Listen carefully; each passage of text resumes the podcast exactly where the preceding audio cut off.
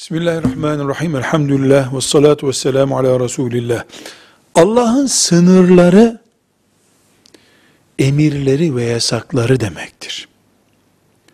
Tilke hududullah. Allah'ın çizdiği sınırlardır bunlar, diyor Kur'an-ı Kerim. Ne mesela? Namaz kılın emri, Allah'ın çizdiği bir çizgidir. Kılmayan o çizgiyi aşmıştır. Alkol tüketmeyin yasağı, Allah'ın çizdiği bir çizgidir.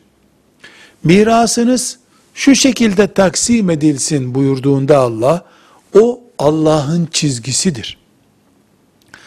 Kul, emrettiği bir şeyi yapmadığı zaman, yasakladığı bir şeyi yaptığı zaman, koyduğu kuralı çiğnediği zaman, Allah'ın çizgilerini aşmış olur.